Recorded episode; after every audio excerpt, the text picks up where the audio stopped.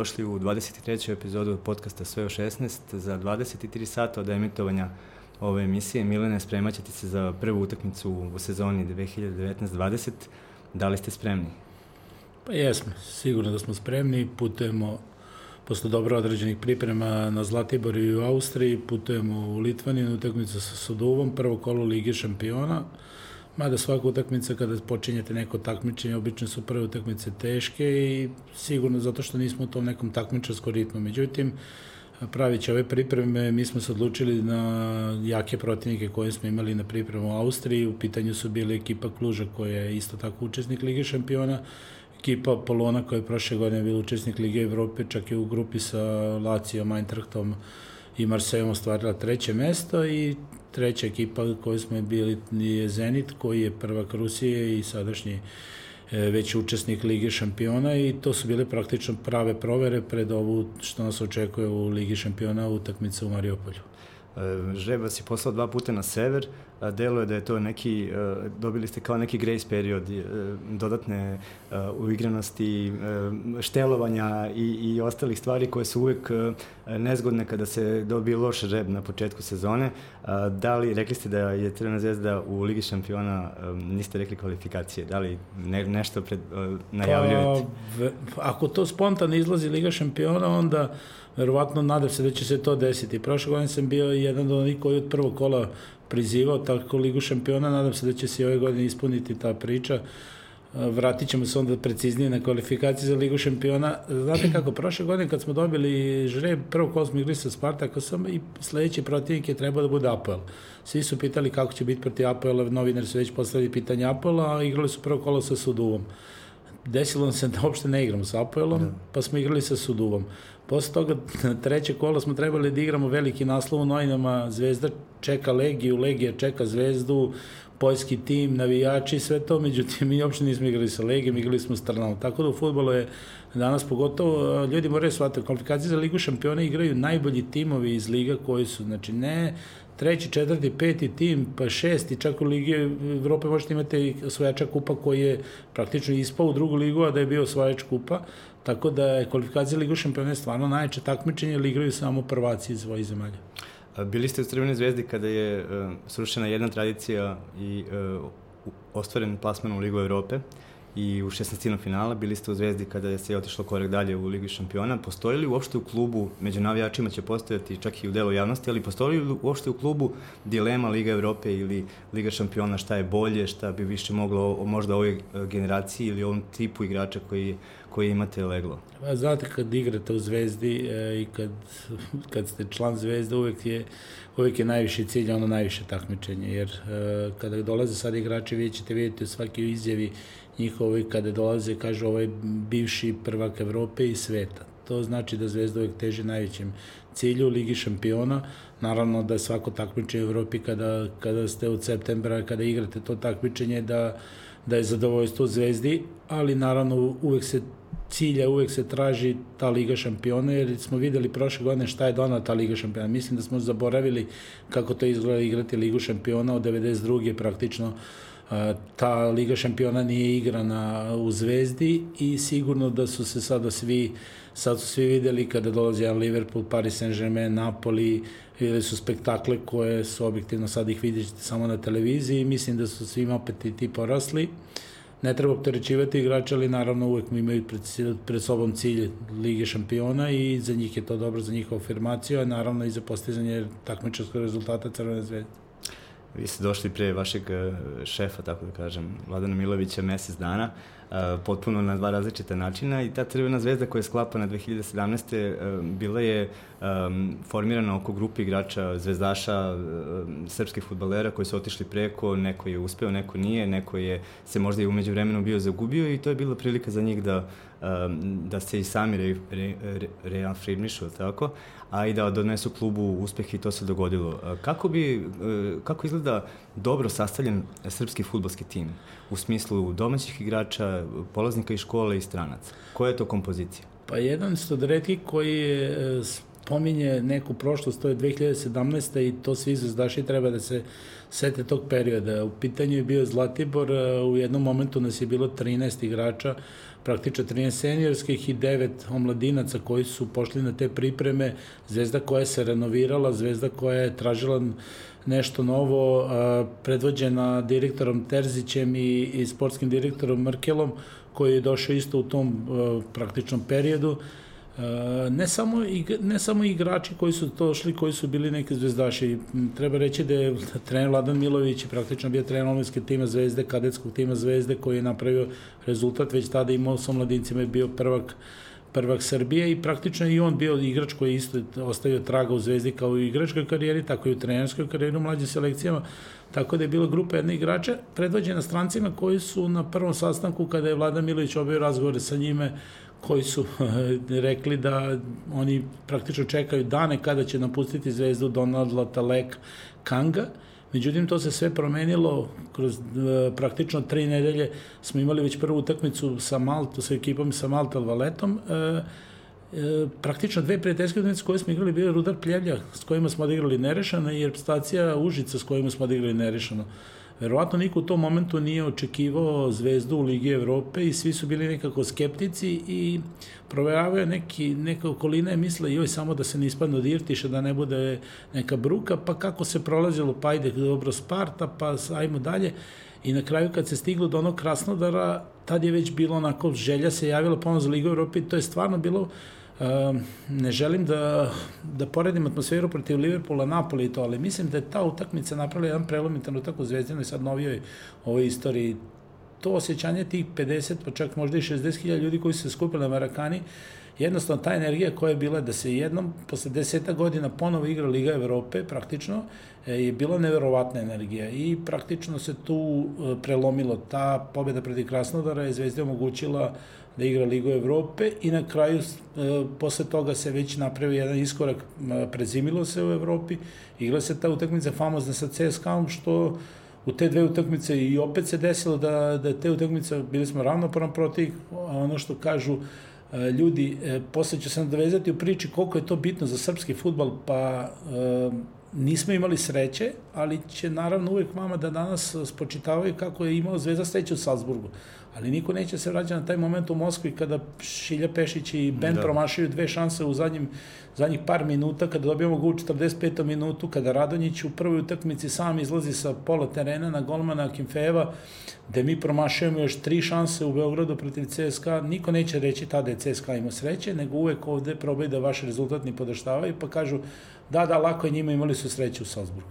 Ali do, nekako se sklopila ekipa mimo očekivanja, leglo je sve i neki igrači koji su uh, lutali i nisu imali sezone za sebe, neki nisu imali po dve, tri ozbiljne sezone za sebe, su igrali ozbiljan futbol to, te jeseni i um, to me zanima um, da li, koje su povuke izvučene iz te sezone oko uh, uopšte formiranja uh, zvezdaške atmosfere u, u slačionici koja pretpostavljam da je jako bitna i nadogradnje onoga, onoga što je pronađeno u, u po Evropi, po, po raznim, raznim krajevima i vraćeno u Srbiju. Slažem se i mislim da je vaš, vaše mišljenje o, o slačionici kao jedno od najbitnijih segmenta, mislim da je to prvi segment o kome se vodi računa. E, napravljena je neka atmosfera u slačionici gde je bilo praktično porodična atmosfera. Znači, znalo se i kada se šali, znalo se kada se radi, stranci koji u dotom momentu su bili onako malo i razjedinjeni, nisu bili deo ekipe, imali su, imali su problema sa nekim stvarima koji su van futbolskim, znači nekim isplatama i nekim stvarima, oni su počeli da, da, da dišu zve,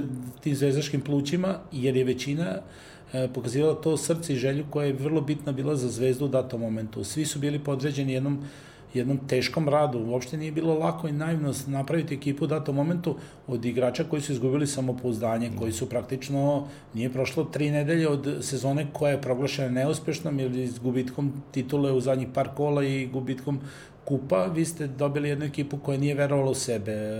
Taj, mislim, zvezdaški dug da u, koji je bio koji je bio u ekipi, on je bio onako na jednom visokom nivou i praktično povukao je sa sobom i strani igrače koji su to prepoznali, videli su da svi su zajedno teže jednom cilju i mislim da energija koja je napravljena između stručnog štaba i igrača a na kraju... Boaći koji uvek... plače, Kanga na prečki, onako, nikad ih nisam video više. Emocije, emocije uh, ne mogu da se sakriju. Emocije su neki moment kada vi izbacite iz sebe nešto što sigurno svaki vrhunski sportista i vrhunski trener u sebi doživlja neke stvari i sigurno se dešava da posle određenog vremena vidite, kaže, ima problema sa zdravstvenih, ovo, to je nešto što držite u sebi, neki put ne izbacujete. Ovo je bila utakmica Krasnodar je bila utakmica praktično emocija. Kad su utakmice završile, vi ste videli, vi ste videli jedan moment Uh, čak taj go Kang je, koji je drugi go, to je neki, praktično što kaže ono, ako postoji neki Kangin uvek izraz vudu koji je to taj go dao sa 40 metara, videli ste vi igrače, rezervne igrače koji svi skaču na Kangu, Kanga koji je na reklami, koji praktično sedi posle utakmice na prečki. I to su sve neki momenti koji pokazuju koliko je truda, želje i napora bilo uloženo te godine, odnosno te pripreme Zvezde, da se vrati na onaj put koji Zvezdi pripada. Da li ste vi kao neposredni aktor tih utakmica, neko ko je na terenu, um, osetili da je bitno s kojom emocijom publika dođe na tribine i da, i da li je 50.000 ljudi uverenih u uspeh i 50.000 ljudi dođe, e, koji su došli da se obračunaju sa UEFA-om ili nekim drugom e, međunarodnom nepravdom, e, pošalju drugačiju energiju na teren? Pa sigurno, ja sam kao mali dolazim u utakmice iz Novog Sada, sam došao, navio sam zvezde, dolazim u utakmice Sever i znam koja energija je vladala tako. Uh, tada i znam kad sam dolazio gledam utakmice sa Milanom, Kelnom i sve te utakmice koje je Zvezda igrala, uh, tada se videla energija, praktično ljudi su tada doživljavali Zvezdu ravnopravno sa Milanom, utakmice koje su igrane bile su na jedan go, praktično ona magla je sprečila da Zvezda prođe tada i Milana. Da je Pixi ima titulu. Tako je, da, da, i to su jednostavno momenti koji se energija osjeća. Na utakmici pred Krasnodara, kako smo izlazili iz tunela, vidio sam ljude koji su jednostavno jednu nogu prebacili preko ograde. To ljudi koji su imali želju, u svakom momentu sam vidio ljude koji su bili svesni da oni svojim, svojim nekom energijom da pomogne ekipi, ipak je bio rezultat, ipak je Krasnodar vrlo kvalitetna ekipa, rezultat koji je tamo bio u utakmici možda u određenim momentima gde smo bili po određenom položaju, gde smo dobili jedan rezultat koji nam je omogućavao da možemo da ovde budemo u revanšu na neki način da optimisti da možemo da napravimo taj rezultat. I mislim da je ta utakmica sigurno jedno 70 minuta najboljih odigranih zvezdi do sada u, u Evropi, ono što bi rekli bez greške, odbrana koja je odigrala bez greške. I onda se dešava 1 minut 75 gde sudija pravi ako možemo, uopšte ne volim da pričamo o tim stvarima, ali sudija pravi jednu kardinalnu grešku da je jedan kontrafal nad Stojkovićem odsvira penali i jednostavno u datom momentu kreće jedna nervoza, kreće publika koja isto reaguje na jedan negativan način, normalno videvši nepravdu i neke stvari. I onda ima jedan strašan detalj, 90. minut e, Perira koji je ušao i koji je izvodi slobodne udarce, čak kažu da bolje izvodi slobodne udarce nego penale, stojevši pored Milovića na klupi, dešava se jedan moment koji je vrlo bitni za, da shvate ljudi koliko je jedna karijera, koliko je jedna stvari i tako komentarišući ono, znate, kad čekate da izvede slobodan udarac i ide jedna rečenica koja onako meni je ostala, onako za ceo život će mi ostati sigurno upamćena. Da li jedan slobodan udarac može da ti promeni život? Da li sada ovaj šut perire može da se desi da da go, da bude 2-2, da ponovo razočarenje i opet da se priča o Zvezdinom zadnjem minutu kao što je bilo u Strasburu, kao što je bilo da, da. i sve tim, svi ti momenti, da li je to to ili može se desiti da sada perira i čini mi se da tada neke, ta neka pozitivna razmišljena da, da će se desiti najbolje, da je se opredelilo upravo da, da taj moment se desi u našu korist i da mi s tom pobedom onako budemo praktično heroji u tom datom momentu. Da li Zvezda, kada sastavlja ekipu, uh, obraća pažnju posebno na neke stvari i koje su to vrline, odnosno poželjne vrline, isključujući mane za igrače koji, o kojima se razmišlja? Pa sigurno, scouting Zvezde se prvo sad, da, da ne pričamo sad ono kako, kao idu floskule, prvo gledamo kakav je ko čovek, ne, prvo gledamo kakav je ko igrač. A posle toga ide taj moment kakav je ko čovjek, da li može da se taj njegov karakter uklopi. Vi imate strašne igrače, ali njihov karakter je, je teško uklopljiv u zvezdu. Vi morate da imate igrače koji, pogotovo strance koji dolazi i koji shvata da dolazi u zvezdu i zvezda je preozbiljan klub, međutim, treba da mu objasnite da treba da igra i na terenima koji nisu kao Zvezdina Marakana, da. treba da se spusti unutrašnja Srbije, da igra na terenima koji nisu adekvatni, treba da vidite kad on pogleda slačionicu u određenim mestima gde igramo, pa kad mu ništa nije jasno. to je moment, naravno, karakter je vrlo bitan, ali isto tako e, smatram da svaki trener, stručni štab, sportski direktor vode računa o tim stvarima, da nije neko problematičan, neko ko će ugroziti atmosferu, neko ko, ko će nekim svojim stvarima van terena ugroziti, povući deo ekipe. To su sve stvari koje se vode računa i imali smo, nalazili smo mi u skautingu strašne igrače, ali koje, koje su imali te neke mane koje bi odveli u neku drugu krajnost i povukli za sobom deo ekipe, a sigurno se to sve manifestuje na terenu i odustali smo od njih, iako navijači kada čuju neko ime, vi sad da, kad da, čujete da, da. Baloteli, vi sad mislite Baloteli to, ali Baloteli sa sobom nosi ozbiljne opasnosti po ekipu. Dobro, u tom smislu, zašto je Ben omiljen i zašto je uspešan u Zvezdi, a recimo Cafu nije uspeo u Zvezdi? pa Ben je uspešan, Ben je prvo momak koji je koji je pred, vrhunski profesionalac. To se podrazumeva i za ostale strance koji dolaze da su profesionalci. Međutim, Ben ima takvu narav da će svaki trening da odradi, da nema za njega treninge koji će do otalja, da nema utakmice. Vi kad vidite Bena koliko igra utakmice u Srbiji, mislim da nijedan stranac nije u kontinuitetu igrao. Posle vreme u Zvezdi kada vam kažu da idete, recimo, neću sad omaložavam ni, ni, ni jedan teren, ali da idete u Ivanjicu, ovaj se vata za ložu, kaže povređen to. Ben dođe sa kvalifikacija iz Afrike sa svojih sa svojih ostrava komorskih i promenio je ne znam ni koliko aviona da bi došao i već sledeći dan trener Milović koji je s njime sarađivao u Panioniju se ga pita da li možeš sutra Ben da sedneš na klupu verovatno bi 90% igrača rekli naravno ne da, da, da putem ili treba da putuje da spava u Vladičin Hano i to. On kaže naravno ja to želim i spreman je da uđe sa klupe. I Ben je sigurno igrač koji je u zadnje dve godine obeležio Zvezdu kao najkorisniji igrač koji se posle i brojkama pokazuje. Ja sam uvijek za to da brojke bude neke stvari koje su, kada pričamo o, o sviđa se nekom ili se ne sviđa, to su sada elementi, meni se sviđa više mm, ovaj film, je. tebi ovaj film i to. Ali o, po, brojke su pokazatelji Benove uspešnosti u Crvenoj zvezdi. Kafu se nije tako pokazao. A mislim da... Naveo sam ih kao da, da, dobar primjer, primjer nekoga koji je zaista uspeo i, i neko ko, ko mislim, nije. super je primjer, ovde mora... Uh, Ovde mora u Srbiji, Srbiji ima jedna slika. Kada vi dovodite nekoga, vi mislite da je količina novca koju vi potrošite za njegovo dovođene, da ono uslovljava da on, da će sada Kafu da uzme loptu i da pređe 10 igrača i da će onda da go. Za 700.000 eura, koje je Zvezda platila za njegovo praktično pozajmicu, Vi imate igrača koji u evropskim okvirima, kogod se bavi danas prelazim rokom i pogleda, 700.000 eura vi nemate više nigde, ni kao cenu, nemate ništa. Danas su pozajmice od 3 do 5 miliona. To je suma koju su, neki igrači uzmu za dve nedelje, tri nedelje u klubu. Po, sigurno, da, da, da, bukvalno, bukvalno to. Mi, smo, mi ovde nemamo predstavu kakav igrač je za 700.000 eura.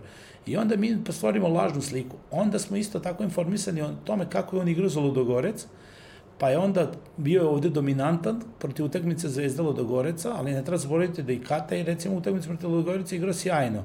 Pa opet kada vidite e, učinak i sve to, Kafua, koji drugo Kafua ima jednu jezičku barijeru, ne zna dobro da govori engleski jezik, ne zna čak ni španski, portugalski je okej, okay. i druga stvar, igrajući Ludogorecu bio okružen sa 7-8 Brazilaca koji da. se praktično držali ekipu Ludogoreca. U Zvezdi naravno nikada se neće desiti da osam igrača Brazilaca bude da, zato što Zvezda ima svoj znači, neki način funkcionisanja i sve to ipak je Zvezda pravi srpski klub koji recimo e, vodi račun o tome da ne preplave sve stranci jer bi to bilo pogubno za srpski futbal. I sad vi imate od Kafua koga su ljudi očekivali, pre toga ga je Bordo platio 8,5 miliona, znači nije stvar da. samo u proceni zvezde, nego je proceni toga. Svi ovde koji su bili listom su govorili dovedite samo Kafua, samo Kafua, dovedite samo Kafua. Videli smo na treningu da taj nivo nije i jednostavno čini se da se dobro nije ni velika su očekivanja bila kad se on pojavio, velika su očekivanja, a on nije bio u datom momentu spreman i nije bio na, na najvećem nivou forme da bi mogao da se, da samim tim posle toga nije imao dovoljan broj utakmica da, a pošto je bio pozemljeni igrač, nije bilo smisla da forsiramo pozemljenog igrača i jednostavno epizoda se tako završila. Ne mislim da je to, ja samo molim ljude da pogledaju jednog Kutinja koji je došao za 140 miliona u Barcelonu, pa se nije snašao i kakav igrač i sve to, jednostavno ne snađete se u jednoj sredini, neka sredina odgovara, neka sredina ne odgovara. Crvena zvezda je sredina koja malo te, teško prašta, odmah traži rezultate i potraga je nastavljena, došao je Mirko Ivanić, kog je Crvena zvezda dugo želela da, da, da dovede i pokušavala i pokušavala i na kraju uspela.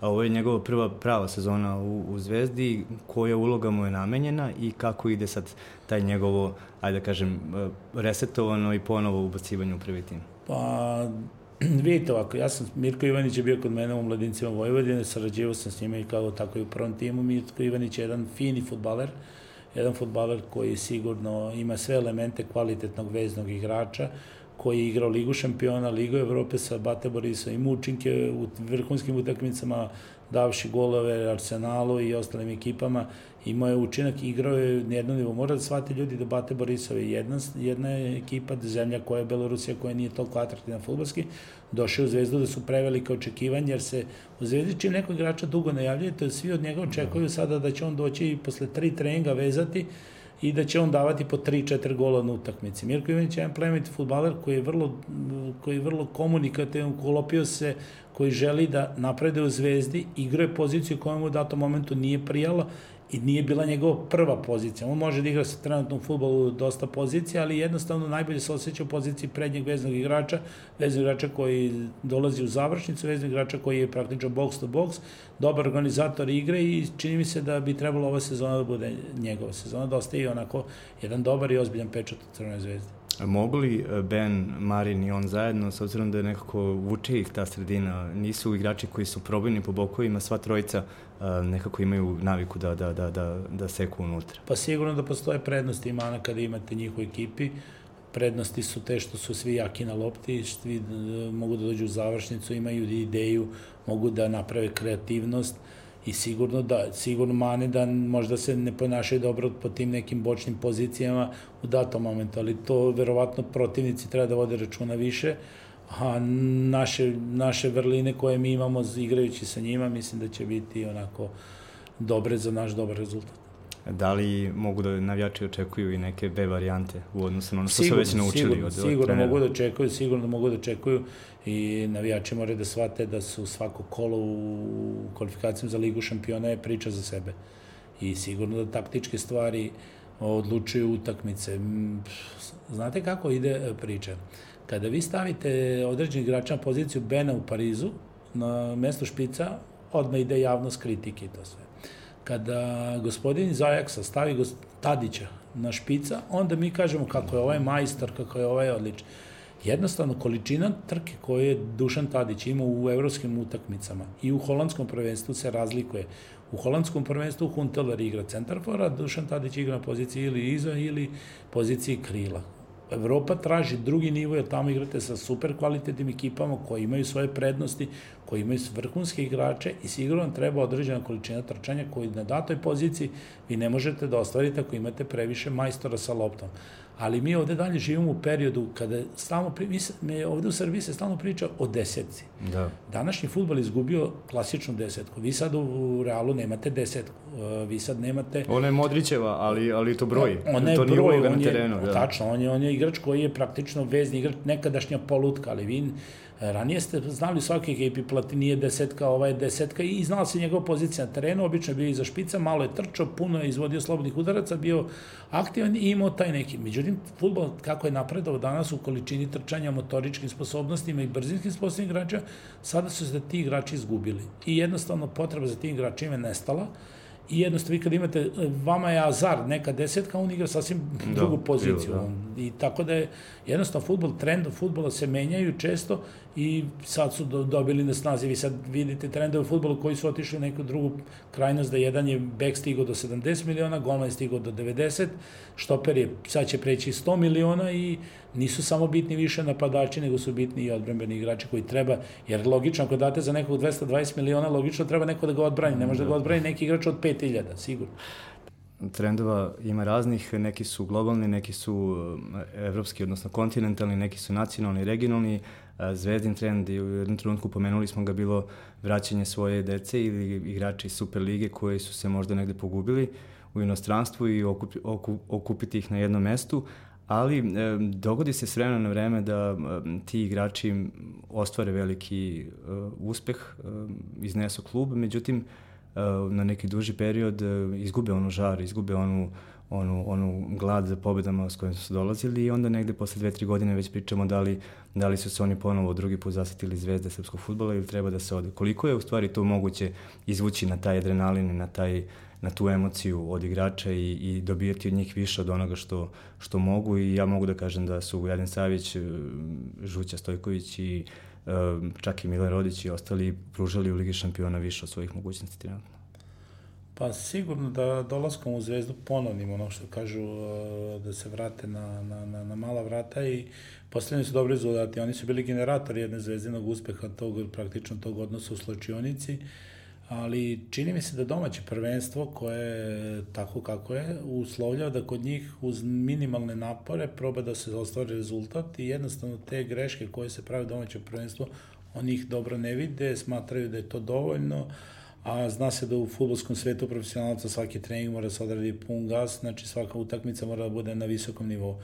Kada odlaze u inostranstvo i kada tamo provode duži vremen u kontinuitetu, to se kod njih ne primeće. Tamo vi se ponašate u skladu jer ste okruženi sa totalno različitom okolinom koja traži od vas stalno, stalno odricanja što se tiče sportskog života, što traži se stalno prisutnost na terenu, da vam je glava profesionalna, da vodite računa o načinu ishrane, vašim odlacima u teretanu, drugim aspektima, a čini mi se da ovde se spusti malo nivo ili okolina koja je sa njima, kojim govori te neke stvari koje jednostavno misli da, da da pustite, ne, ne moraš pun gas, dobit ćete danas i to malo spušta kod njih taj nivo i čini mi se ta zasićenost se vidi kod njih. Naravno, teorija koju, koju ja zastupim je da kontinuitet određenih igrača u, u Zvezdi i to sve, ono donosi jedan rezultat u igranosti, ali ta glad, želja za pobedom i sve to, čini mi se da treba s vremena na vreme dovoditi novu krv, osvežavati, jer igrači koji dolaze sa novim ambicijama, praktično koji su po znacima navoda gladni,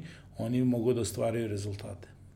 Hipotetički, kako bi izgledala zvezda koja je recimo, ne, mogu, ne možemo kažemo stalan učesnik Liga šampiona jer bi to značilo i promenu sistema kvalifikovanja i takmičenja, ali zvezda koja eto, ne dozvoljava sebi da sezonu bez Evrope i, i posluje u nekoj pozit, na pozitivnoj nuli ako ništa više. Pa čini mi se da čini mi se da ova zvezda ima ono što kažu dobre početne pozicije da to bude u budućnosti.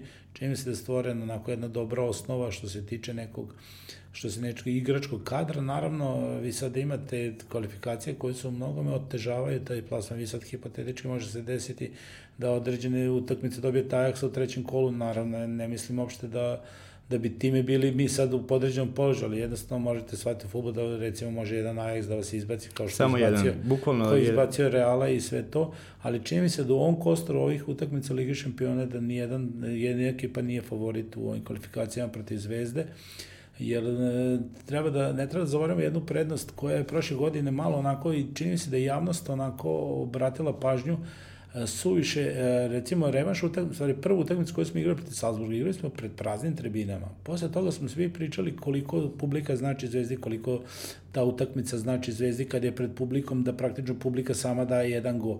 I mi smo to nekako u toj utakmici dvomeča sa Salzburgom, to smo onako praktično stavili sa strane to što nismo igrali pred publikom. I to se brzo zaboravili, tumačilo se neke situacije u Salzburgu kao da nije bila prva utakmica. U prvoj utakmici smo imali tri mrtve šanse u drugom poluvremenu, golman je koji je vadio praktično loptu iz gola i to se brzo zaboravilo. I tad niko nije rekao da Salzburg imao sreće. Prvo imao sreće što je igralo se bez, bez navijača, jer zna se šta navijači zvezde, ja sam siguran, naravno nije dokazivo, zato što je to nešto već završeno, ali sam siguran da bi on, sa onom energijom Salzburg u onom ekipi sa, onim, sa velikim brojem mladih igrača praktično podlegao atmosferi kad je podlegao jedan Liverpool koji igra svako, svake utakmice igra da. u jednoj sjajnoj atmosferi, čak i Liverpool. Uh, ljudi uh, stalno nešto misle uh, da, da se to onako pravi se neka fama od Marekane. Verujte mi, vidio sam izraze lice i Mbappe i Neymara, izraz igrača Liverpoola i sve to. Kad se prolazi ispod severne tribine, to nikom nije prijatno, Naravno, to su momenti koji, sad vi imate recimo Sparta iz Praga,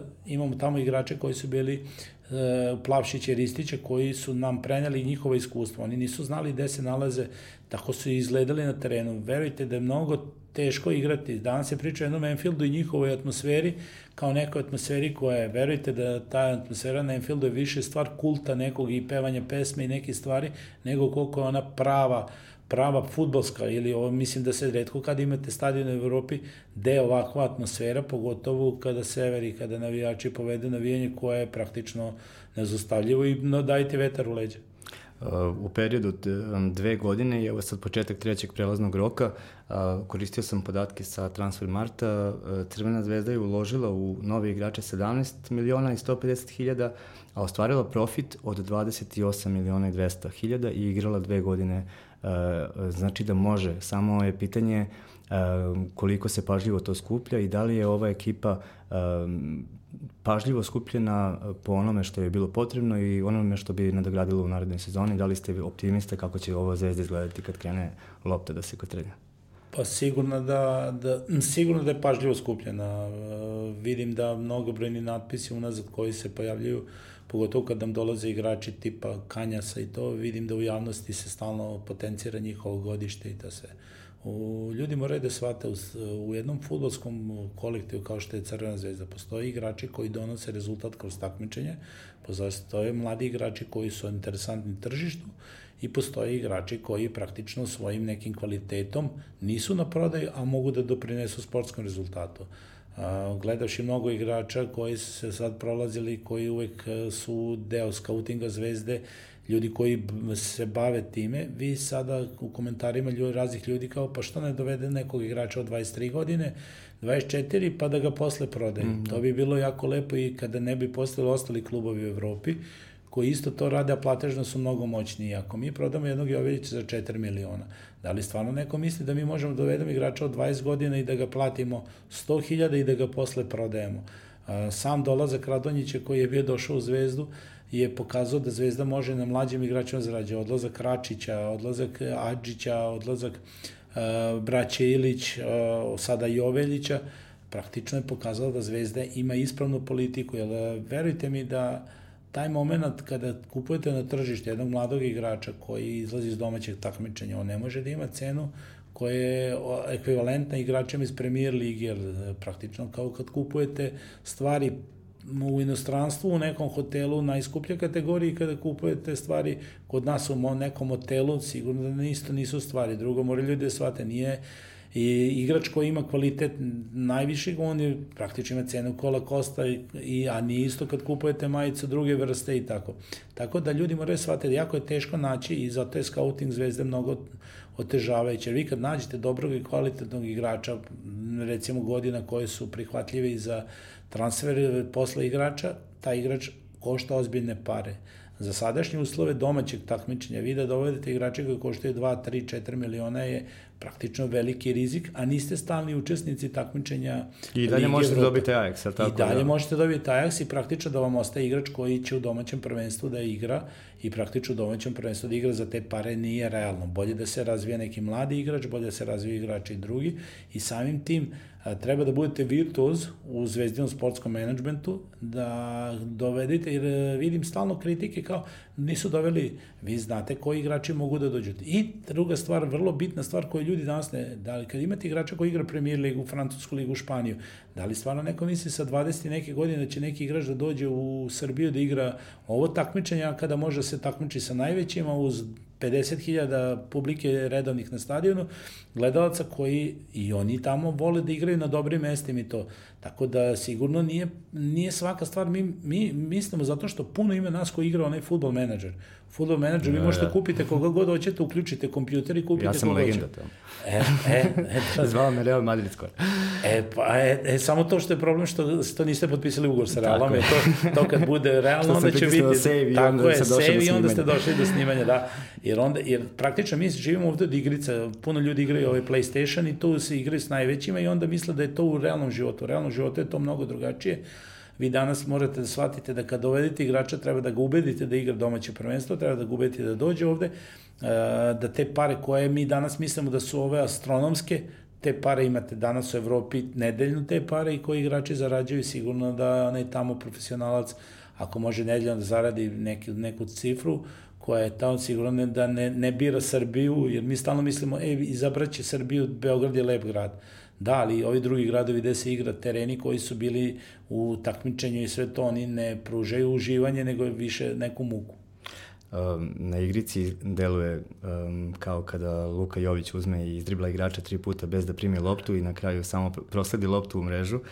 Um, da li je Dejan Jović uh, sposoban za tako nešto? Da, kako izgleda vaš rastanak sa njim? Ste bili prilično bliski nekako ste, on je na, na vas najviše gledao tokom treninga i, i oslanjao se. Pa vidite ovako, Dejan Jović je jedno pre svega fenomenalno dete, znači jedno dete koje poželiti ga onako što kažu ona izreka da poželiti ga za, za sina, a, jedan veliki profesionalac, jedan veliki radnik, a, siguran sam da će u narodnom peležu beležiti futbolsku karijeru, Međutim, ljudi moraju budu svesni. Neće Jovelić 1. septembra dati pet golova za Eintracht, neće on dati. On je kupljen i samim tim potpisivanjem ugovora Ljudi moraju sad, kad neko potpiše ugovor na 5 godina, to znači da njega računate prva godina adaptacijana godina, druga godina da se navikne na sve te stvari i da počne da ostvaruje određene rezultate.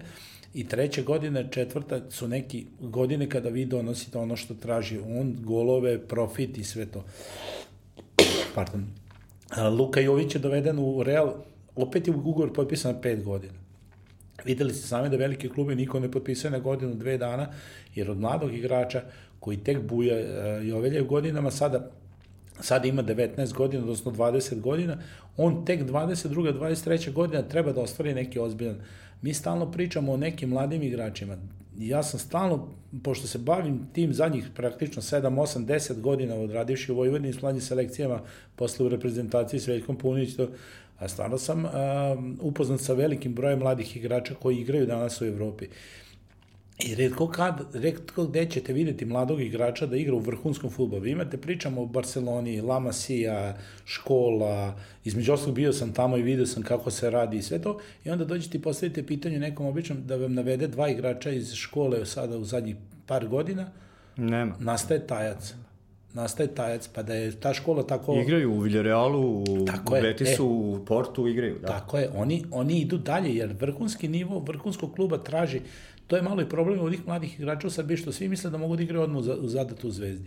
Jednostavno, Zvezda sada u ovom nivou, pogotovo za, za, za dao bi neki apel i igračima koji izlazi iz omladske škole. Nemojte odmah misliti da treba da igrate za prvi tim Zvezde. Treba da imate postepen put.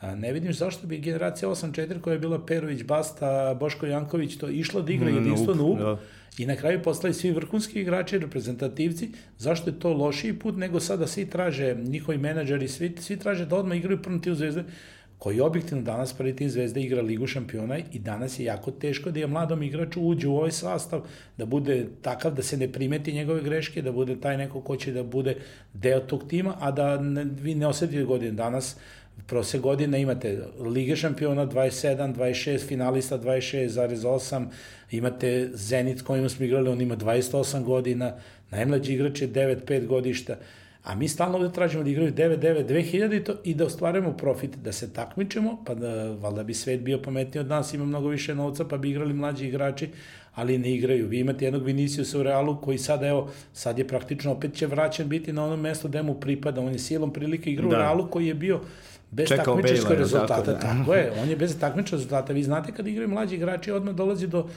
do, do slabih rezultata, jer je jednostavno to, mladost ne daje rezultatost i ne daje konstantnost u igri, a samim tim vi morate da budete svesni. Ovde stalno ljudi misle, ajde da stavimo mladog igrača, da ga prodamo, da napravimo rezultat i da onda još da ga prodamo za 30 miliona. Danas su to nerealne stvari, to opet To je nerealno, ali zato je po apel za mladi igrače Zvezde da kružni, toga sad je dobra stvar što postoji grafičar, praktično drugi tim Zvezde i koji tamo da se razvijaju, da te seniorske korake mnogo lakše prebrode i onda da dođu spremni da mogu da ispune zahteve u prvom timu Crvene zvezde. Neposredno pre nego što ćemo uh, se naći da snimimo epizodu je Futbolski savez Srbije donao još jednu promenu u, u, u sistemu takmičenja i licenciranja igrača. Um, prvo je uh, ukinuta podela bodova, A, potom je promenjen sistem ispadanja, sada četiri ekipe mogu da ispadnu iz uh, Super lige i četiri da uđu iz Prve lige Srbije i na kraju je promenjeno da će od sezone 2020-2021 svaki klub morati da ima dvojicu igrača mlađih od 21 godine. Uh, eto, ajde da kažem, ovako kad se kaže, deluje vrlo eto, sistemski sa, nekom, sa nekim višim ciljem da, da ti mladi igrači imaju neko zagarantovano mesto. Kako vama koji ste i u rudniku dole i koji to zaista radite, kako vama deluje to pravilo? Pa iskreno da kažem, ja sam to pravilo već bio da živio, pošto sam mnogo dugo u srpskom futbalu, praktično sam počeo od pete lige, trenirao sam petu ligu u indeksu, tu sam počeo karijeru, pa sam se susretao u četvrtoj, trećoj, drugoj ligi, pa sam prošao praktično i dvojne registracije, prošao sam i ograničenje kada su bili mlađi igrači i praktično sad se ponovo vraćamo na neki deo. Jednostavno probamo da određenim propisima probamo da da pospešimo stvaranje tih mladih igrača. To je s jedne strane mnogo dobro za mlade igrače, sigurno će da sad reći da, ali on ako je kvalitetan, on će igrati. To su neke floskole, ali vi danas imate problem trenera koji neće da stavi mladog igrača. Zbog njih je to verovatno i doneto pravilo. Tako, tako je, vi danas imate, vi moramo da shvatimo, Srbija je razvojna liga. Mi smo razvojno tržište, mi smo e, tržište koje prodaje igrače koji praktično isplatišu i zemlje bogati koje dovode ovde i da uzim igrače. Ako je prosjek godina u određenom klubu 28-29 godina i takmiči se u prvoj ligi i recimo igra sa 10 starih igrača, oni će ostvariti neki rezultat 5. 6. 7. mesto. Da, šta ono donosi tom klubu i šta ono donosi uopšte razvoju srpskog futbola, ja stvarno ne vidim, ne vidim svrhu postojanja. Jer vi u principu imate e, jedan problem. Mladi igrači moraju se razvijaju. Oni se razvijaju kroz utakmice. Dobar stvar, deo stvari odrađuju kroz treninge, ali bez utakmica nema njihovog napredovanja. I ako vi morate propisima to da uradite, to znači da neke stvari nismo Tako dobro radili. Uh, vi kad pogledate, danas kad gledate scouting Belgije i Holandije, vi ćete uvek u svakoj ekipi naći po 3, 4, 5, da, 6 da. igrača ispod 21 godine. Ako može jedna Belgija i Holandija, koja, Belgija Holandija koja je isto mala kao i mi u, u smislu toga, ako ona može da promovišta i ako ona zna da da tržište traži danas mlađi igrače. Vi morate ovde da imate obavezu da ti mlađi igrači se eksploatišu, da ne zbog prode, da neko me ne shvati poglušno, nego da, da, da oni igraju, da bi posle ti mladi igrači imali rezultata koji igraju za nacionalne reprezentacije Srbije, kada prave rezultate u, mladoj i kasnije u A reprezentacije. Mi kad smo bili na Novom Zelandu, ta ekipa je već bila sastavljena od prvoligaških igrača, imali su iskustva i dobar deo dobrog rezultata koji je tamo napravljen je upravo posledica toga što su igrali seniorski futbal bili su zreli od svojih vršnjaka, da. igrali su već takmičarski futbal, znali su kako se ponašaju na terenu, a čini mi se da je Srbija dobra podloga, da ne vidim stvarno razlog da, da danas neko sprečava mladu igrača. U stvari, razlog se kriju u jednoj stvari, treneri se brzo i lako smenjuju i treneri posle 2-3 neuspeha, onda se on opredeli za iskusni igrač. Iskusni igrač on daje odmah rezultat i to nije sporno. On daje neke, ali na dugoročni razvoj kluba, dugoročni razvoj, mladi igrači su ti koji donose prevagu, ti koji donose novac za funkcionisanje i ti koji praktično e, svojim nekim kvalitetom i radom odlaskom u inostranstvu budu kvalitetni i čini se da, i zna se da gro naše reprezentacije čini igrači koji igraju u inostranstvu to, to pravilo ako ima manu ima uh, tu da klubovi ne mogu da se zaštite od preranog gubitka najboljih mladih igrača. Oni mogu da izgube 2-3 najbolja pre u 18. 19. godini, a imaju obavezu da ih drže do 21. Možda tu nije, uh, nije obostrano razmišljeno u oba smera, a s druge strane imamo sada i pravilo da ne mogu više od četiri stranca, i da, da, da, sad sam zaboravio, pravilo pozemicama koje mi posebno nije jasno zbog čega je tako promenjeno da svako može da pošalje uh, koliko god želi igrača u bilo koji da. klub. Pa verovatno sam vidite, svako pravilo ima i svoje mane, to sigurno da verovatno zna, ja se sećam da je jedno vreme bilo je strašno pravilo dvojnih registracija. Vi ste subotom niste igrali za prvi tim, odlazili ste da igrate nedeljom za drugi klub i onda je dolazilo, u jednom momentu se dešava da ekipa u kojoj vi igra, znači koji mladi igrač igra, ne postoji se igrači da igraju sutra dan, zato što se igra protiv neke ekipe koja je u dobrim odnosima s tom ekipom i dolazi do izvrdavanja pravila, ali se broj igrača, mislim, postala je jedna statistika, broj igrača koja je nastao u tom momentu dvojnih registracija i tih je mnogo više mladih igrača se baš tako promovisalo. Sigurno da taj broj uh, ustupljenih igrača i to malo onako je zbunjujući za praktično vi možete da pravite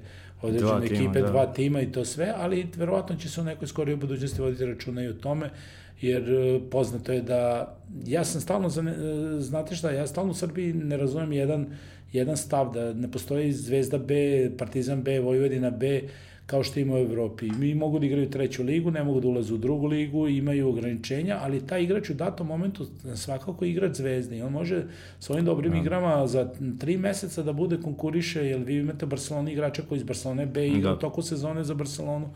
I to je jednostavno, mislim da, da su te stvari vo, treba voditi računa o tome da ti klubovi mogu da nosi prefiks Zvezda B i sve to, jednostavno da to može samo biti dobra stvar za, za srpski futbal. Sada će sigurno voditi više računa i o stvaranju.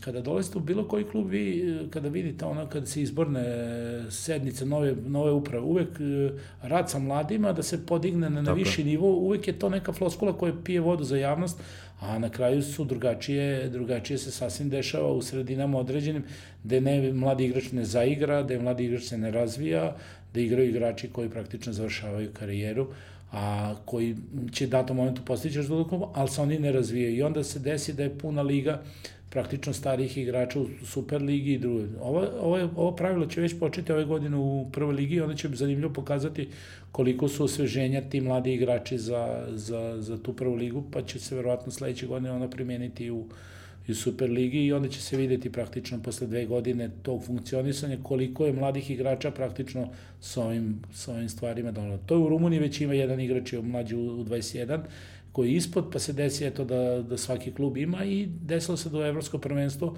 proizvedu da. najveći broj igrača ima iz domaćeg prvenstva. Imaju samo tri igrača iz, iz, iz praktično iz inostranstva, svi ovi ostali igraju u domaćem prvenstvu. Kratko samo, Crveno, u četiri sezone um, sistema sa podelom bodova i trećim krugom, Zvezda je tri puta uzela titulu, jednom je ostala u fotofinišu bez titule. Uh, kratok komentar isključivanja podele bodova. Pa ne znam, bio sam svedok i kada se to postavlja, bio sam neko koji nikad neće razumeti zbog neke draži, takozvane draži nečega da bi vi da bi vi bilo uzbudljivije ili ne znam šta, stvarno ne vidim da neko, da bod vredi jedan, da pobeda vredi jedan i po bod, praktično na kraju da se vi mučite 30 kola, da vam neko kaže, ovo što ste radili godinu dana, to se deli na pola, i da jednostavno posle toga gubite sve to, stvarno ne vidim, ne vidim svrhu toga, mislim da je donata prava odluka da se uz dodatnih 7 kola, jer mislim da je sezona kratka za sve ostale klubove, sa 37 kola već ulaziti u ozbiljan šampionat, mislim da je to prava stvar i da će pokazati boljitak i jednostavno te razlike koje se napravi, isto to zasluženo napravili, nije to neko vama poklonio ili nešto, pa sad vam rekao puj pike ne važi i dešava se da neko u sedam kola može da. uz određene stvari da vraća celu sezonu. I to je isto i za trenera koji traži sportsku formu svoje ekipe, koji radi studiozno, koji pravi plan i programiranje treninga i nekih tih utakmica, u jednom momentu se desi da neko poništava to što ste radili. O, generalno, mi se čini da je utisak o izmenama koje su donete u uh, klubskom sistemu takmičenja pozitivan, i ne znam, samo će vreme pokazati ovako kad se pročitaju i ima, ima smisla, ali ono što ne, negde ne mogu da pronađem smisao, to je u našim nastupima reprezentativnim kada odlazimo na velika takmičenja. E, bili ste deo jednog velikog takmičenja, jednog velikog, odnosno najvećeg uspeha e, u, u, u istoriji srpskog futbola, ajde da tako kažem, reprezentativnog e, i gro tih igrača je posle dve, tri godine zabeležio nula pobjeda na dve završnice um, u gde beše, sa Latovićem da, da, u Poljskoj, Poljskoj tako, da, da, i, i, Poljskoj i u sada u, sada u Italiji. Pa dobro, e, kako, kako nam se to dogodi? Pa vidite, ovako, bio sam deo dva, znači bio sam na predstavu Evrope u 19. u Mađarskoj i tu smo bili u polufinalu, smo izgubili u Portugalu. Da. da, posle, posle nekako je to ostalo zapaženo, jer godina pre toga je 2014. Uh, ekipa sa Elektorom Drulovićem bila prvaka evropski, pa posle toga mi odmah smo bili nezadovoljni da. sa polufinalom koji smo izgubili na penale da niko, nikoga nismo izgubili na tom prvenstvu, da smo igrali nešto s Nemačkom koja je u zadnju minutu nam dala go i praktično posle toga smo proveli praktično zajedno s tim evropskim predstavom i, i 32 dana na Zelanda ima 50 dana nekog turnirskog takmičenja. A turnirsko takmičenje je mnogo specifičnije od kvalifikacije. Kvalifikacije se uglavnom odviju 3-4 dana pre toga sa okupi ekipa, napravi se taj neki, zavisite puno od forme igrača koji su u datom momentu i birate igrače koji su bolje ili slabije forme. Turnirski deo takmičenja nastaje se obično da se dešava posle sezone. To je pre svega morate urediti jedan mini pripreme koje da se oporave ekipa, da se pronađu različite vrednosti ekipe, spremnosti igrača. Mi tu već negde počinjamo polako da, mi da tu se počinjamo, gubimo. Mi počinjamo, ne znamo više, da nama igrači koji su igrali za Arab staciju dolaze dva dana pred prvenstvo Evrope. Vi kad vraćate igrači starije selekcije, to je već malo problem psihološke prirode, koliko se od njega očekuje, da li on u datom momentu može da pruži i da li sve to.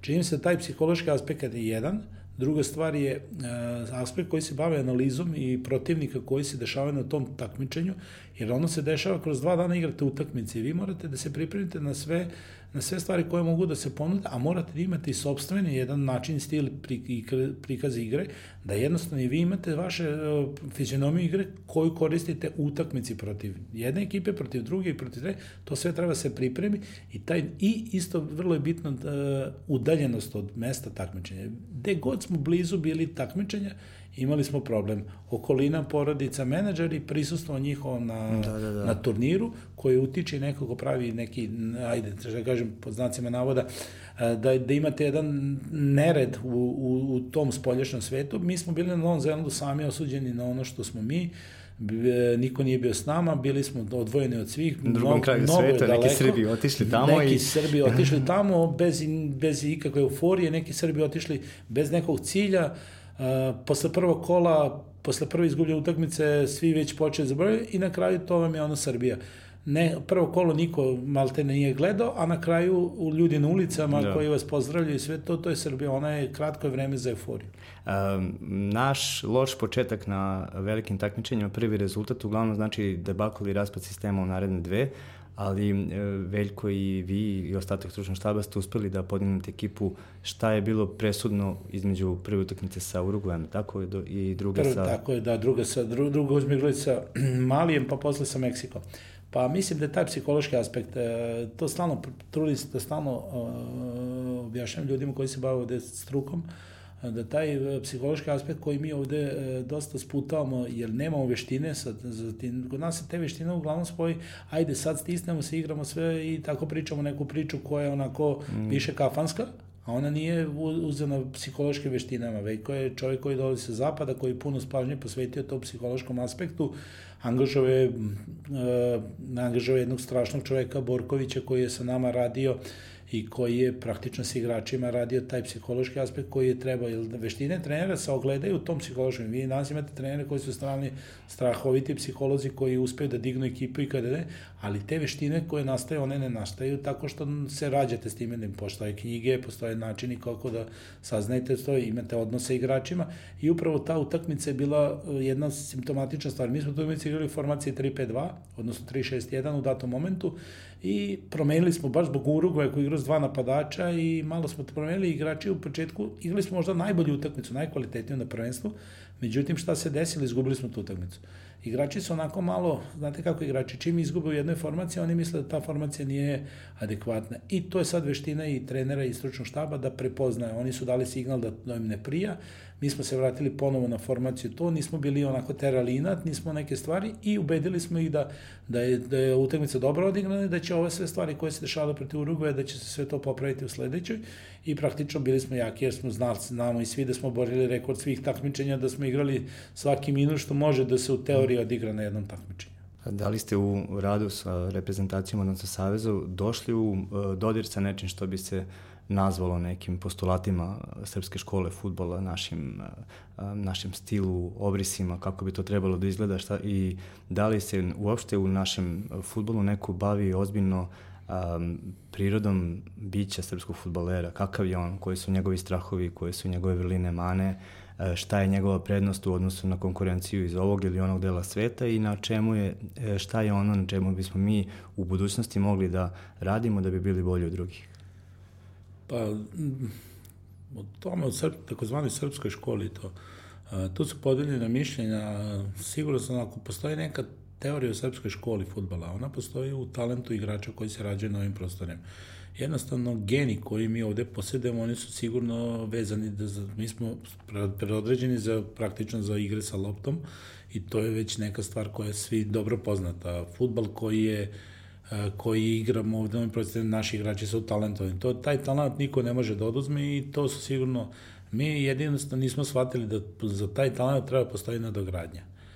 Šta nam se dešava u tim nekim praktično razvojima tog srpskog talenta praktično, ja bih više nazvao razvoj srpskog talenta, ne škole, je što zavisi od određene grupe ljudi koje dođu. Jedna grupa ljudi, pa ona promeni, da. pa onda sledeća promeni i jednostavno mi nemamo tu koncenzus kako treba da izgleda srpska škola futbola, odnosno kako ona treba da izgleda. I da ti igrači napredujući kroz kategorije neke stvari enormnim ponavljanjem uh, Tako iz vremena na vremena postane aut, autizam. Zato što ovde postoji sujeta. Kad neko napravi rezultat, oni ne bi, ne bi se ovde grupa ljudi da nastavi to dobru stvar, nego odmah se kreće iz početka, pa pravi se nove stvari, pa onda kaže, ma taj šta, pusti, taj ima sreće.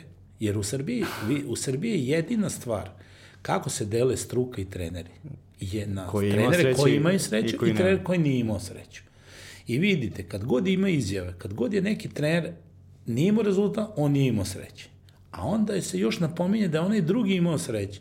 Jer vi kad, vi kad govorite o utakmicama zvezde, kad mi pobedimo, onda smo imali sreće, a kad izgubimo, ništa. Onda ne.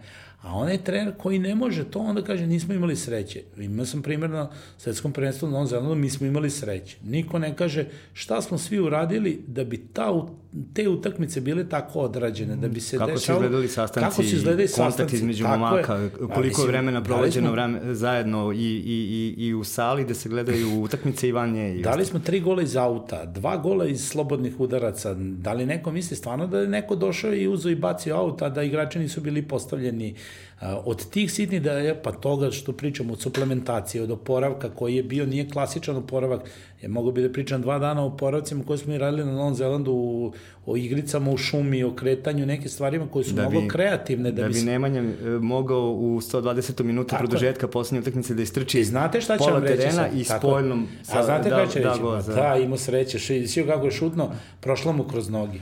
Mi stalno... On je imao kiselnika da trezveno razvi, e, razmišlja u, u finišu sprinta od 50 metara, to, se, to, je, to je redkost. I, i imaju onaj karakter što ja brim. Znate, ovde se stalno u, u Srbiji se spominje kao nema mentalitet.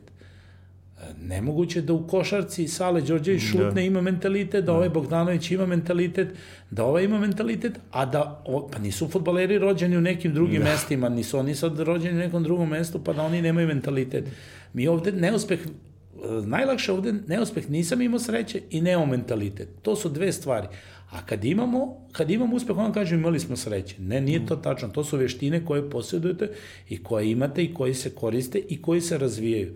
Zato, recimo, absurd je, kad se završilo svetsko prvenstvo, to na Novom Zelandu, usledile su onako bi trebalo i to evropsko prvenstvo u Litvani koji je isto uh, dobar deo ili dobar deo generacije ili njih 5-6 igrača je bilo i na prvenstvu u Litvani i posle na svetskom prvenstvu u Novom Zelandu. E, trebalo da se iskoristi da se vidi šta je to dobro uređeno. Pre toga je postala selekcija tih igrača, postojale neke stvari koji su dobro rađene u Savezu i trebalo da se iskoristi za dalje i sada praktično da se vidi šta je to dobro, koji su uzroci, šta se dobro radilo i da to bude neka pra dobra osnova za dalje, što se i ti sad malo pre spomenuo sa neko dalje usavršavanje i da imamo neki da imamo neku matricu kako bi bili se naredne generacije... Radili, generacije... bili smo dobri, ovo nismo da, radili, ni, bili i, smo loši. I ovde nismo, tako je, i da se sagleda to. Posle toga imao sam, pošto su Veljko e, i ostali deli stručnog štaba, uglavnom su već bili otišli za Chicago, ja sam ostao ovde kao selektor u 19 reprezentacije, imali smo brojne pozive za držanje predavanja u okolnim zemljama. Pa smo gospodin direktor Mrkila, koji je sad sportski direktor Zvezde, ja išli da držali par, par, par predavanja, ali ne predavanja, vi nekom pričate vaše predavanja, ne nešto to, nego vi nekom pričate šta ste radili da bi bili to. Tako i da objasnite to. Da, da nekog tamo da to ta, zanima. Takom to ne zanima. Ovde, verujte, ovde da. nismo imali ni jedno. Ovde nismo imali ni jedno. Čak šta više, na određenim predavanjama ljudi koji se bavili ovde strukom, sam dobio, čak sam i prisustvovao tim a, predavanjima, čak sam dobio informacije da smo se mi bavili više a, a, pravljenjem rezultata, a ne pravljenjem igrača. I tak, takve su bile, takve su bile e, jednostavno predavanje da ja jedan momentu nisam mogu da izdržim, čak sam i reagovao na to. I desi se da današnje reprezentacije ima devet igrača koji su igrali na zemlju. Znači, ima se i rezultati igrača, jer u futbolu praktično e, ja nikada nisam čuo da neko vam sad kaže, e, juriš rezultat, a ne praviš igrače. To nikad, to je izmišljeno ovde od onih koji su gubitnici, pa su izmislili kao, ma nije bitan rezultat, bitno je da pravim igrače. Ako ti dobro učiš u školi, Tako je. ti moraš da peticu. Ako dobro učiš i ako dobro savladaš gradivo. Ako u futbolu dobro savladaš gradivo i dobar si u svim elementima, onda ti na kraju moraš da imaš i rezultat. To ne može da se razdvoji jedno od drugog. Ali za, mi New stav... York za New York si mora njuriti rezultat bez pravljenja igrača. Mislim, ko će da ostvari taj, taj ne, rezultat? I to ne postoji, da. nego to je samo floskula za one koji gube, pa oni objašnjavaju, ali bi mi je pravim igrača. Ti ga posle pitaš, a dobro, gde su ti igrači? On kaže, a neko drugih je upropastio, a ovde kao juriš rezultat i kao ne praviš rezultat. Vidite, nikad se... I to, i to je onako se udari neka priča kao mi smo svetski prvaci jurili smo rezultat, a nismo pravili igrače. To je totalno, jer se sad 9A reprezentativaca, posle, posle dugo vremena jedna generacija ima toliko A reprezentativaca praktično koji su izašli iz tog perioda i koji su i danas zapaženu ulogu igraju u igranju, u igranju futbala i u inostranstvu i sve to. I sad ovde, umesto se koristili ta iskustva Litvanije, Novog Zelanda, da postoji to, ne, mi ćemo krenuti iz da. početka, mi ćemo uvek krenuti da nešto pravimo novo, a nećemo da koristimo ta iskustva. I naravno, uz ono, a da, oni su imali sreće, a da, i sio kako je Rajković odbranio ovu, kako je spoljnom ovaj, viš kako ga je slučajno dao go. Jer mi nismo stalno imali sreće, ali smo primili 10 za 3. Ovde, nismo, da. ovde, nismo, ovde ne da nismo imali sreće, ovde smo čak imali sreće, jer znate zašto smo ovde imali sreće? Zato što je najbolji pojedinac bio golman. Jeste. Znači, mi smo imali sreće i tu, ovde je najbolji pojedinac bio golman. To su neke, neke stvari koje se ovde, da ovde sad dešavaju. Mislim da, da, da, da ta škola futbala srpska može da se napravi, može da se implementira, ali moraju svi da imaju jedan zajednički cilj, da ne bude sujet, da ne bude se one prave ad hoc, kako se ko promeni, tako on pravi svoju sobstvenu školu, ona mora da ima obrise srpskog talenta, jer srpski talent sigurno postoji. To niko ne može da me, da me ubedi da to ne postoji i praktično on treba da se zasnija tom talentu. Ali moramo shvatiti, talent je samo jedan dan segment futbola, danas motoričke sposobnosti, selekcija, nauka koja mora da bude prisutna. Vi danas ako imate egzaktne podatke kako izgleda danas futbaler jedan koji pretrči 13 km, koji pretrči, ne znam, 400-500 metara u sprintu, koji odradi to, to su danas futbaleri koji danas su na tržištu i koji postavljaju rezultate. I mi stalno objašnjamo kako izgleda tamo neki Ronaldo, kako Cavani izgleda, mi moramo i da napravimo i tako igrači koji, to, koji ovde tako izgledaju. Mislim da prateći naš i strani futbol da je možda čak e, najdrastičnija razlika u e, postavljanju realnih ciljeva i uh, strpljenju, odnosno prihvatanju da se oni možda neće ostvariti iz manje ili više objektivnih razloga.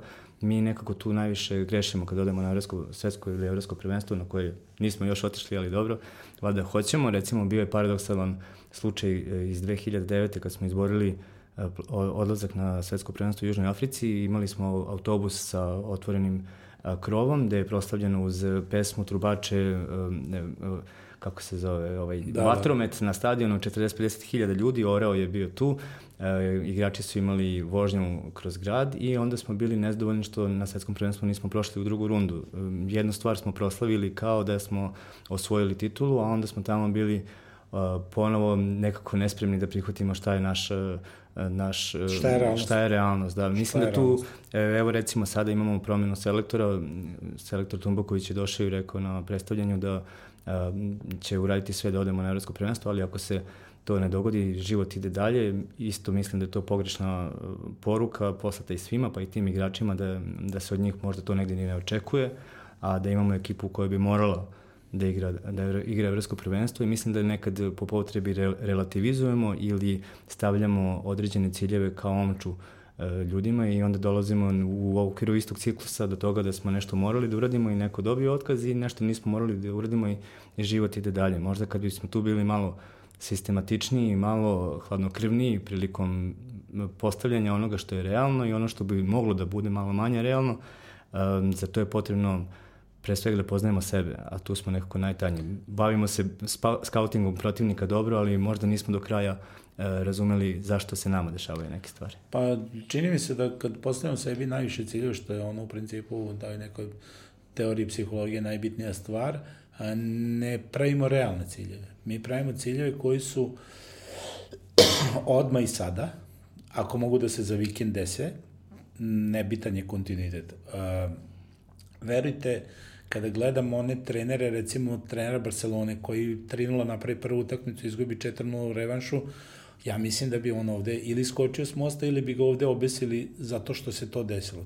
Valverde, taj isti je i dalje trener Barcelone. Uh, Tuchel koji ima ekipu od milijardu i dvesta je i dalje trener Paris Saint-Germaina. Ljudi su shvatili da jedan rezultat, on pravi se u kontinuitetu i da ti treneri koji prave kontinuitet, zamislite da ste sad jedan Guardiola koji je priznat i nemate titulu Lige šampiona sa Manchester City-ima koji je dominantan u nekim stvarima, da ga sad menjate i da dolazi neki novi. Da, da bi osvojio samo, samo to, tako? Da bi osvojio samo to. Činjenica da u futbolu postoje konkurenti. Činjenica da je futbol sport koji danas igraju sve države sveta, praktično vi danas kad gledate, evo gledao sam sad ovaj Gold Kupa neki Haiti, koji smo mi ranije pobeđivali 100-0 i to sve, oni danas igraju polufinale tog Gold Kupa, pa pa teško gube od Meksika, odnosno gube u produžecima od Meksika. To su danas rezultati koji vama, kad je neko pričao ranije po 9, 6, 7, 0, danas su i se i države promenile. Vi danas imate, kad igrate protiv Luksemburga, to ne igrate protiv Luksemburžana, to igrate protiv svih naturalizanih da. ljudi koji igraju tamo. Malo pre smo se i dotakle, nismo zaboravio sam da objasnim priču i oko tih domaćih stranaca, kada je bilo kod nas veze. Stranci domaći, ima, mi imamo pravo na četiri stranca da igramo. A vi imate Napoli koji ima pravo na 10 stranaca. Da. I vi kad igrate s Napolim, igrate samo sa Insinjem, i on je jedini italijan na terenu, sve ostalo su igrači stranci od Golmano Spine, pa preko Hamšika, preko Fernanda Rui. I igračka Fernando Rui sad, sad dobre koji obeleže ovo evropsko prvenstvo je igrao tu utakmicu za Napoli. Nigde nisam video kod nas da se spominje taj igrač, da se dobrati pažnje, ako je pre toga došao za 35 miliona iz Betisa. Mi smo rekli, ma da, i tamo igraju, ne znam ko je to uopšte mi samo kad se nešto desi posle toga mi onda prepoznamo. Mi nikako da prepoznamo pre toga, tako imamo problem i igrača da prepoznamo pre nego što će se on desiti. Kad gledalac vidi igrača, onda smo svi zakasnili struke. Ili kad ga Real dovede ili kad ga Real dovede, a mi smo ga ovde, mi smo ga ovde onako dosta sputavali. Seljakali, sve seljakali iz, tako je, i, a, sa klupe A reprezentacije. Ali mi smo opet u stanju, mi smo opet u stanju da kad on ne da, da gol svalimo, u oktobru, da, da, da. mi smo opet u stanju da ispričamo da on nije kvalitetan, jer je, bože moj, nije dao golove, ali recimo kad je u pitanju Dembele koji igra u Barcelonu, Barcelonu za 105 miliona i glavni isključiv krivac za poraz Barcelona protiv Liverpoola Dembele, jer u 91. minutu ima mrtvu šansu i još jednu 100% šansu kad vam Messi ostavlja loptu, ali to niko nije rekao, niko se nije bavio tim, tom analizom, nego su pričali neke druge priče. Taj od 105 miliona, 105 miliona koji je plaćen, ne daje taj go. Pa ja ne znam, ovde kad promaši igrač od 2000 eura, on mi kažemo, vidi, ovaj nema pojma. E, to je neki taj absurd koji kod nas i dobro je, dobar je šlagvort, taj, ti neki ciljevi koji su realni. Mi moramo da shvatimo koja smo zemlja, e, koliko igrača imamo, koliko imamo registrnih igrača, pa naša zemlja ima, toliko Nemačka ima registrnih igrača koliko naša zemlja ima stanovnika. I normalno da je tamo konkurencija mnogo veća nego ovde, ali samo treba da realne, realne ciljeve da ne maštamo o tome i da te cilje koje smo napravili, recimo kad budemo svetski, evropski, omladski prvaci, da to onda treba da izeksploatišemo, jer sve te generacije koje su pred nas bili svetski prvaci, španci, to, oni su to eksploatisali u A timu. Posle nas u 2017 su Nemci bili, sada ti Nemci su sad igrali okosnice ekipe, igrala sa novom da. evropskom prvenstvu i oni su 2000, oni su 97. godište koje je bilo okosnica na ovom evropskom prvenstvu, pa su napravili i rezultat na evropskom, verovatno ćemo za par godina njih videti sve u u, na, u A timu, što i, i zadatak svih omladinskih selekcija da pravi igrače i proizvodi igrače za A tim, naravno da uz, uzme jednu dozu rezerve, da postoje igrači koji se kasnije razvijaju, koji su u datom dobu nisu razvijeni, koji njihove sposobnosti nisu moguće i onda se dešava da neko kaže nisu prepozni Matića u Zvezdi i Partizana, ali su ga prepozni. Ne, jednostavno u datoj 16. godine nije bio taj nivo. Pa onda zatim dalje dolaze i zato ne treba nijednog igrača ispuštati, jer Ne, Englezi su, dugoročni razvoj futbolera je bio do 21. godine. Sad su Englezi podigli tu starostnu granicu od 23. godine, mm -hmm. praktično imaju fokus igrač do 23. godine i onda daju, daju konačni sud. Ovde, kod nas, 17 godina, da. ako ne predreba njih 6, da. ako ne da 9 gola, ako jo, Jović ne da 10 gola sledeće sezone, da, da, da, e, kupili e, su mačku u Bukvalno, da, oni mi kao daj, kao šta se dešava sa njime i to se jednostavno absurdi ovde. I druga stvar, molim da omolažavamo e, igrača od 18, 19 i 20 godina. Mi to strahovito uživamo u tome. A onda kada sediš u, u nekim društvom prijateljima, pitaš ga, izvini, a tvoja čerka koliko ima godina, šta radi? A on kaže, pa ne, tu studira, ima to, pa ono, traži džeparac i sve to, ti dolaziš u jednu apsurdnu situaciju, da naša deca koji su tu, oni nisu završili ni fakultete, nekde, a ovi su već na nekom vrhunskom nivou. Zamislite danas da Luka Jovica 22 godine igra u Realu, znači sam, sam član si kraljevskog kluba i jednog najveći, sigurno najveći klub u Evropi, i visi i u svetu, i visi, a mi sad ka, a daj, vidjet ću koliko će dati golova. Da. Pa, nismo baš realni. Nismo baš realni, eto, to po, postiče sve to. Uh, koliko smete da bude, koliko, u stvari šta je realno postavljeno pred uh, futbolski klub Crvena zvezda u sezoni uh, koja je tu iza ugla i šta bi bilo malo iznad realnog, a opet dostižno? Pa realno je Evropa, takmičenju, bilo kom takmičenju Evrope, znači to mislim na Ligu, Ligu Evrope i Ligu šampiona, a ono, kad zaspeš pa kad sanjaš, onda e, je sigurno zima, turske pripreme, a igraš prvo kolo kvalifikacije i praviš, i, odnosno igraš osminu finala i praviš ekipu za osminu finala nekog evropskog takmičenja. Samo još jedna stvar me zanima na kraju. Uh, Vladan Milović ovako manje pričljivo od vas uh, kad su kamere uključene i mikrofoni, ali često mogu da vas vidim i kada nasmejane u nekom razgovoru na sredini terena u tunelu, uh, na parkingu, um, koliko on kakav je on ovako i šta ne mogu navijači da vide kada, kada ga gledaju pored terena i, i pred kamere? Pa, mm, vrlo jednostavna osoba, što se tiče toga, dostupan svima, a, duhovit, neko ko razume šalu, neko ko voli da se šali, neko s kim je prijatno provoditi vreme, neko ko je u svom poslu veoma studio za neko ko mnogo traži, neko ko ne daje slobodne dane, neko ko bi proveo vreme, dosta vremena na terenu, pored terena neko ko gleda puno analiza, puno nekih stvari, neko ko te tera da budeš uh, svaki dan bolji, neko ko uh, možda što kažete vi nije toliko pričljiv, ali sigurno mm, neko ko je stalno u nekoj konfrontaciji sa mnom, da li treba edukovati javnost ili ne treba edukovati javnost, da li treba uticati to, neko ko će uvek naći e, onako dobro reč za nekoga da da bude bolji sutra, da, da, da bude kvalitetniji, neko ko će određenim igračima objašnjavati koliko je važnost njihovog sportskog života, koliko je život surov da danas može da budeš na vrhu, a sutra dole, neko ko je porodičan čovjek, neko ko je okrenut ono što kažu religiji, neko ko veruje puno da se sve stvari dešavaju smisleno i da jednostavno neko ko veruje da rad donosi na kraju rezultat. Imao sam još jedno pitanje, ali ste odgovorili, bilo je zbog čega je posle dve uspešne sezone ostao, to ne radi prosječan srpski trener, ali iz, iz vašeg odgovora već sam dovoljno zaključio. Da, kao da sam znao šta će biti pitanje, da. pa sam jednostavno napravio neko ko posle određenog rezultata ne ide negde drugde, ne beže od odgovornosti i ako stalno, stalno pričam o tome, ako sada se napravi, onda je ono, Ako treća godina, pošto stalno pitam ljudi, treća. da, pitam stalno ljudi, uh, uh, sad prve godine sreća, druga godina sreća, ako je treća godina... Treća da, sreća. I realno, ako toliko, toliko je srećni, ako smo toliko srećni, onda ja mislim da bi mnogo lakše bilo da igramo loto i ove igre, da pre dođemo do cilja, nego da se mučimo svaki dan dva treninga i to dalje, pa da čekamo svake tu utakmicu i sve dalje.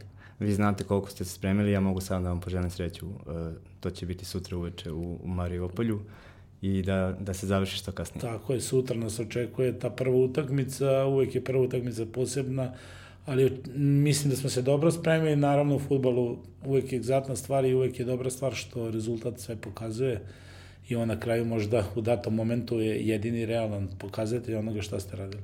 Hvala na gostovanju u sve 16. Hvala. Sledeći ponedeljak, novo iznenađenje.